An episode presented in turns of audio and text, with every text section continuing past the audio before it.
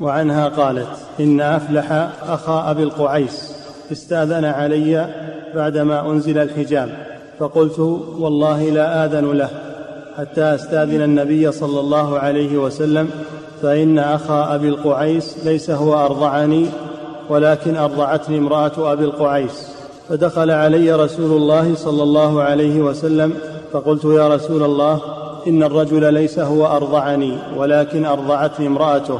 فقال أذني له فإنه عمك تربت يمينك. نعم. قال عروة ففي ذلك كانت عائشة تقول حرموا من الرضاعة ما يحرم من النسب. وفي لفظ استأذن علي أفلح ف... نعم نعم استأذن. وفي لفظ استأذن علي أفلح فلم آذن له. فقال أتحتجبين مني وأنا عمك؟ فقلت كيف ذاك؟ قال أرضعتك امرأة أخي. بلبن أخي. قالت فسألت رسول الله صلى الله عليه وسلم فقال صدق أفلح ائذني له تربت يمينك. نعم هذا الحديث فيه أن عائشة رضي الله عنها رضعت من امرأة أبي القعيس رضعت من امرأة أبي القعيس وصارت بنتا لها من الرضاعة هذا لا إشكال فيه. لكن الذي أشكل على عائشة لما جاء أخو أبي القعيس زوج المرضعة. لما جاء أخو زوج المرضعة يريد الاستئذان عليها بناء على أنه عمها من الرضاعة. فقالت إن أبا القعيس لم يرضعني وإنما أرضعتني زوجته. أرضعتني زوجته فامتنعت منه حتى تسأل الرسول صلى الله عليه وسلم. فهذا فيه الرجوع إلى أهل العلم عند الإشكال. فسألت النبي صلى الله عليه وسلم فقال ائذني له إنه عمك من الرضاعة فدل هذا الحديث على أن الرضاعة تحرم ما تحرم الولادة وهي قاعدة ثابتة بالأدلة. ودل على أن من له اللبن أن من له اللبن وهو الزوج ينتشر عليه الحرمة فيكون أبا للمرتضع. وأقاربه أقارب للمرتضع. وهذا ما يسمى بلبن الفحل لأن اللبن الذي في المرأة متكون من ماء الرجل وماء المرأة. حينما حملت الحمل متكون من المائين ماء الرجل وماء المرأة. فهو ناشئ عن وطئه. هذا اللبن ناشئ عن وطئ الرجل.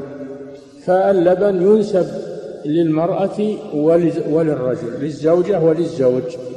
فتكون محارم الزوج محارم للرضيع ومحارم الزوجة المرضعة محارم للرضيع أيضا.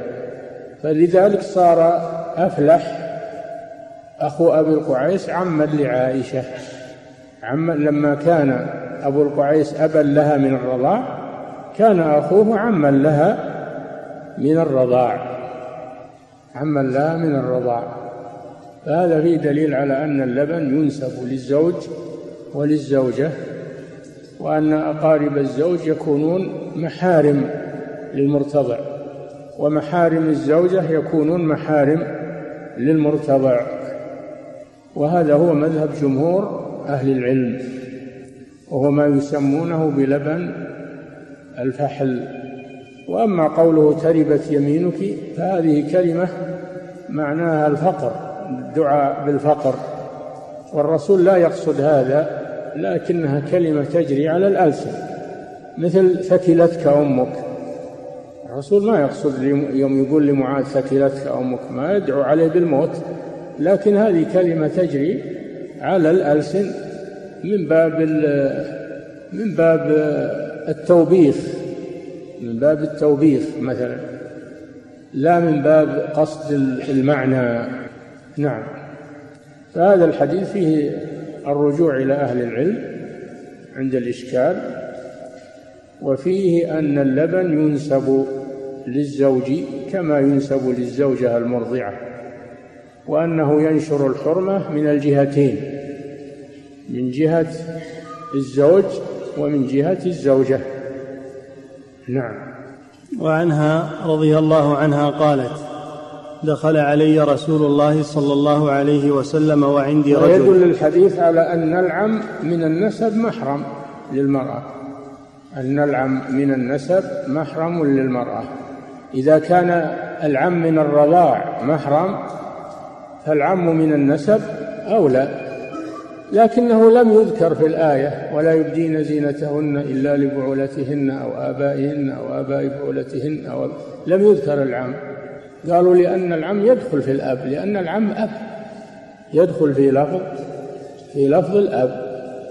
وفي هذا الحديث تصريح بأن العم بمنزلة الأب في الحرمة سواء من النسب أو من الرضاع.